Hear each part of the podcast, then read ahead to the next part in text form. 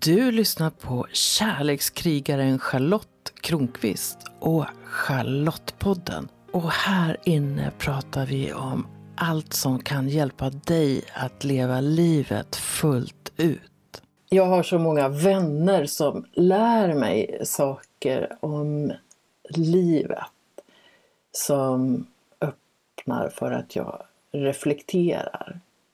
Och en av dem är Helena Roth som du snart kommer att få möta i ett avsnitt av den här podden, Charlotte-podden. Och något som Helena bjuder in till är det hon kallar för tankespjärn. Och utan att gå in mer på det just nu så är hon en sån som själv rätt så ofta levererar tankespjärn som får mig och andra att verkligen reflektera, att vända och vrida på saker och fundera på hur saker hänger ihop. Jag återkommer strax till Helena. Då och då så kommer jag i kontakt med en vilja att vara perfekt. Och jag vet på ett plan, eller kanske på flera plan, att det är idiotiskt. För vad är det att vara perfekt? Och vem avgör om jag är perfekt? Och på vissa områden så är det lättare för mig att hamna i den här perfektionsfällan. Då brukar det handla om ord. Jag är så van vid att orden kommer till mig, att jag kan sätta ord på det jag vill. När jag skriver blogginlägg, artiklar och böcker böcker så kan jag lita på att orden kommer. Och för det mesta så kan jag uttrycka det jag vill nyanserat, precis med den valör jag vill ha. Och det är ju inte så konstigt för jag har ju tränat på att skriva svenska ord professionellt i sådär 40 år. Jag har gjort mycket mer än de där 10 000 timmarna som man brukar tala om som kan leda till eh, någon slags mästerskap på något. Och den här förmågan har jag när jag använder svenska. För jag är ju svensk och jag har lekt med svenska i hela mitt liv. Men så finns det två andra språk som jag har brytt mig extra mycket om. Det ena är självklart engelska och det andra franska. Jag hade en ganska lång period i livet mellan sådär 20 och 35 när jag gav mig tusan på att bli tillräckligt bra på franska för att kunna göra intervjuer på det språket. Och det lyckades jag med, men jag fick kämpa hårt för att göra det. Jag bodde i Frankrike jag umgicks på franska. Jag pluggade franska på universitetet. Jag läste franska böcker. Jag såg fransk TV. Alltså, jag gjorde verkligen mycket. Och under det år jag bodde i Frankrike så kunde jag också göra bra intervjuer på franska. Jag kunde göra mig förstådd. Men jag satte inte upp målet att jag skulle kunna skriva artiklar på franska, alltså att jag skulle kunna utöva mitt yrke på franska. För det kändes som att hur jag än gjorde så skulle min franska inte räcka till. Mina ord skulle se torftiga ut. Inte minst för att franska är ett så mycket blommigare språk än svenskan. Meningarna är ofta mer utsmyckade, de är längre, det är fler bisatser. Det är ett annat sätt att uttrycka sig. Och på svenska så går det att vara korthuggen och koncis och att texten ändå ser bra ut. Kanske till och med vinner på det. Men på franska så ser ett svenskt sätt att skriva torftigt, fattigt ut. Så för att skriva bra texter på franska så krävs det både ett enormt ordförråd och ett annat sätt att skriva än jag är van vid på svenska. Så jag valde bort det. För någonstans så ville jag skriva perfekt. Jag skriver en hel del på engelska. Och jag har lärt mig att i korta texter stå ut med att det inte är perfekt. Att jag ibland tvingas till omskrivningar och förenklingar för att jag inte hittade exakt rätta uttrycket. Jag är ju också medveten om att engelska inte är mitt första språk. Att jag kan göra missar när det gäller valörer och nyanser. Men någonstans djupt inne i mig så vill jag kunna uttrycka mig så att mitt budskap når fram på mitt sätt. Att texten liksom lyser av mig. Och det blir ett problem när jag först skriver på svenska och sen vill översätta det jag har skrivit. Vid ett par tillfällen så har jag börjat översätta mina egna böcker till engelska. Och när jag letar i datorn så kan jag se en halvbok där och några kapitel här. Och det som gör att jag slutar, jag som brukar slutföra de allra flesta projekten, har med bristen på perfektion att göra. Jag vill ju verkligen att texten ska andas på ungefär samma sätt oavsett vilket språk den är skriven på. Och så blir jag frustrerad när jag inte riktigt klarar det. Och det är här som jag vill landa i några ord som Helena Roth skrev till mig nyligen när jag reflekterade högt kring perfektion och att vara perfekt. I do believe being human equals being imperfect and that for me is our perfection. Ta det en gång till och för mig är det här ett tankespjärn. I do believe being human equals being imperfect and that for me is our perfection. Alltså, jag gillar verkligen det här tankespjärnet. Att vara människa innebär att inte vara perfekt och det är det som gör oss perfekta. Den tanken är det verkligen värt att reflektera över och ta in. Och jag vet inte om jag riktigt har lyckats än. Du kommer strax att få höra mig läsa ett kapitel ur min ljudbok 100% Charlotte, ta ditt inre ledarskap och det heter Vara perfekt och handlar om att hantera den där strävan som jag har levt med i så stor del av mitt liv. Jag tror att viljan eller strävan efter att vara perfekt har flera orsaker för mig. Dels tror jag att det handlar om att jag fortfarande, åtminstone då och då, vill vara en duktig flicka.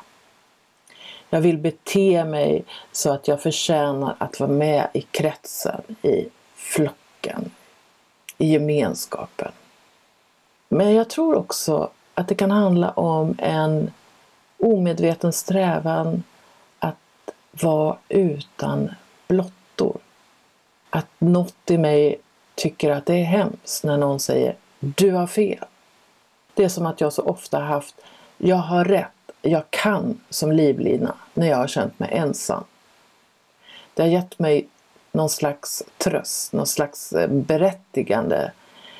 Och ibland har det också blivit en slags passersedel till gemenskapen med andra. Men nu vet jag något annat.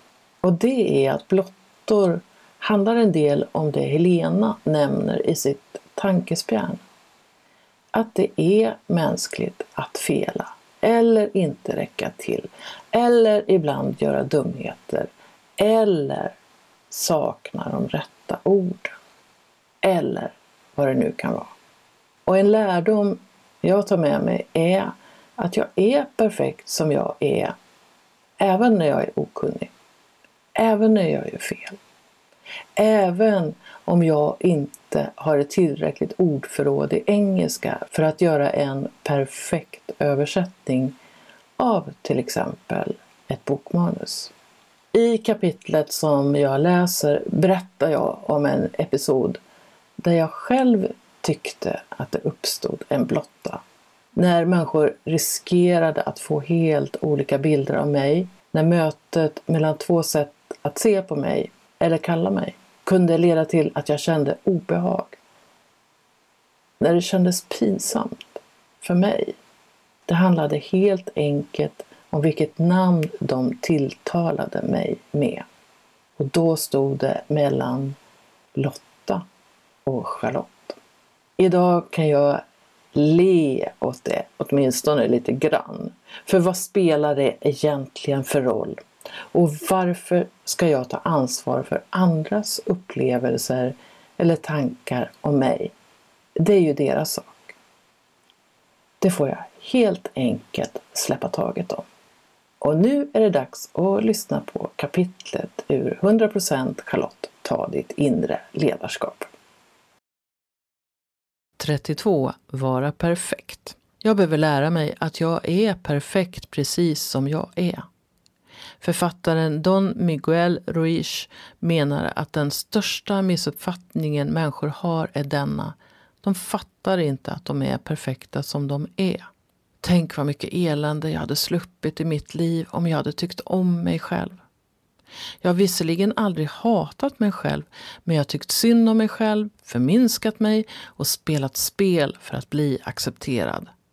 Den beskrivningen är bara toppen av isberget. Det som dolde sig under det var värre än vardagsskam. Så här var det. Jag trodde länge att om jag började söka svar på frågan Vem är jag? så skulle jag finna en jävel jag var helt säker på att mitt riktiga jag var en galning, ett monster, en häxa. Jag var så rädd för att möta den sanningen att jag inte ens vågade meditera. Jag hade ingen aning om att jag skulle upptäcka en skatt inom mig när jag började söka mig själv. Jag var övertygad om att jag bara skulle finna mörker. Det var min sanning i många år. Jag var livrädd för mörkret och skuggorna. Jag visste att om jag skulle visa mitt rätta jag så skulle alla överge mig eftersom alla då skulle se min djävul.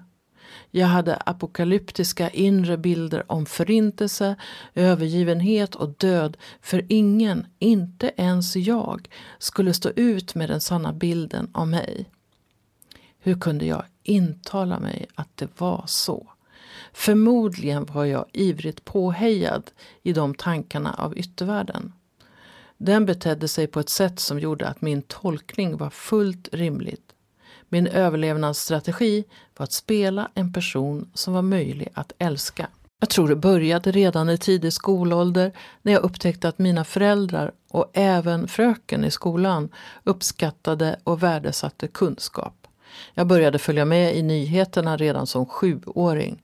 Jag älskade skolan och sög i mig kunskap som ett läskpapper. Sen fortsatte det på mellanstadiet och långt upp i vuxenåldern. Jag lärde mig att det ibland var bra att vara lite lagom kaxig i förhållande till de vuxna. Men det som vann i längden var att vara duktig i olika människors ögon. Jag lärde mig läsa av vilken Charlotte som passade i vilket sammanhang. Jag valde att spela teater för att få vara en del av gemenskapen. Jag fördjupar det resonemanget i nästa kapitel. Men jag gick inte så långt som till självutplåning. Jag hade viss värdighet kvar. Omvärlden har nog sett mig som rätt kaxig men de skulle bara veta att det var en ytterst blek kopia av mig själv som jag visade upp. Episod. Är jag Charlotte eller Lotta? Mina föräldrar gav mig namnet Charlotte men övergick rätt snabbt till att kalla mig Lotta. Från 20-årsåldern har jag försökt återerövra Charlotte men det tog tid innan jag lyckades. I brytningstiden mellan mina båda namn var det jättejobbigt. Jag var Charlotte för kunder och nya vänner, Lotta för familj och gamla vänner. Jag tyckte det var oerhört pinsamt om någon från olika läger möttes, för vem skulle jag vara då? Jag tänkte att de skulle tycka att det var jobbigt och det var viktigare vad de tyckte än att jag stod upp för mig själv. Jag fick en hel del motstånd under den här perioden. Jag kommer aldrig att kalla dig Charlotte. Tro inte att jag kommer kalla dig för det där fina namnet, du är Lotta. Det gjorde det jobbigare. Men jag är envis. Nu är jag Charlotte. Somliga hänger kvar vid Lotta. Det är inte riktigt jag, men det är okej. Okay. Framförallt bryr jag mig inte längre om vad andra kan tänkas tycka om vad jag själv kallar mig. Jag har omvärderat vad det är att vara perfekt. Idag väljer jag att se att jag är perfekt som jag är och att det är upp till mig att värdera det. Din läxa. Skriv upp tre underbara egenskaper hos dig själv. Börja träna på att älska dig precis som du är. Ja, du hörde uppgiften. Och jag uppmuntrar dig att göra en lista över saker du tycker om hos dig själv. Fyll gärna på den så mycket du kan. För det är så viktigt med självkärlek. Med en stunds härlig egoism som för den sakens skull inte förminskar andra eller deras värde. Självacceptans är en motorväg till självkärlek som jag ser det. Och när du kan omfamna dig, ja, då är det lättare att se på andra med kärleksfullhet. Och det är ett av skälen till att jag är en kärlekskrigare. Och du, köp gärna mina böcker. Du hittar pappersböckerna på min hemsida charlottekronqvist.org eller i nätbokhandlarna. Ljudboken 100% Charlotte ta ditt inre ledarskap kan jag av tekniska skäl inte sälja själv. Men du hittar också den hos nätbokhandlarna. Jag sysslar ju också med coaching. Jag möter klienter som får en ny, tryggare relation till sig själva genom våra samtal. Där självinsikten ökar och självkärleken för att jag speglar dem, ser dem och älskar dem för dem de är. Så låt dig gärna coachas av mig för att du är värd det. Kom ihåg att prenumerera på Charlottepodden så att du är med när nya avsnitt kommer. För vem vet vad du kan få lära dig om livet i det avsnittet? Rekommendera gärna podden till en vän så är du med och sprider vetskap om att den här podden finns och berätta vad den ger just dig. Jag skulle bli så glad om du också går in i din podcast-app och lämnar en kommentar eller skriver en recension av podden. Ju fler som gillar podden öppet, desto fler kommer också att hitta den.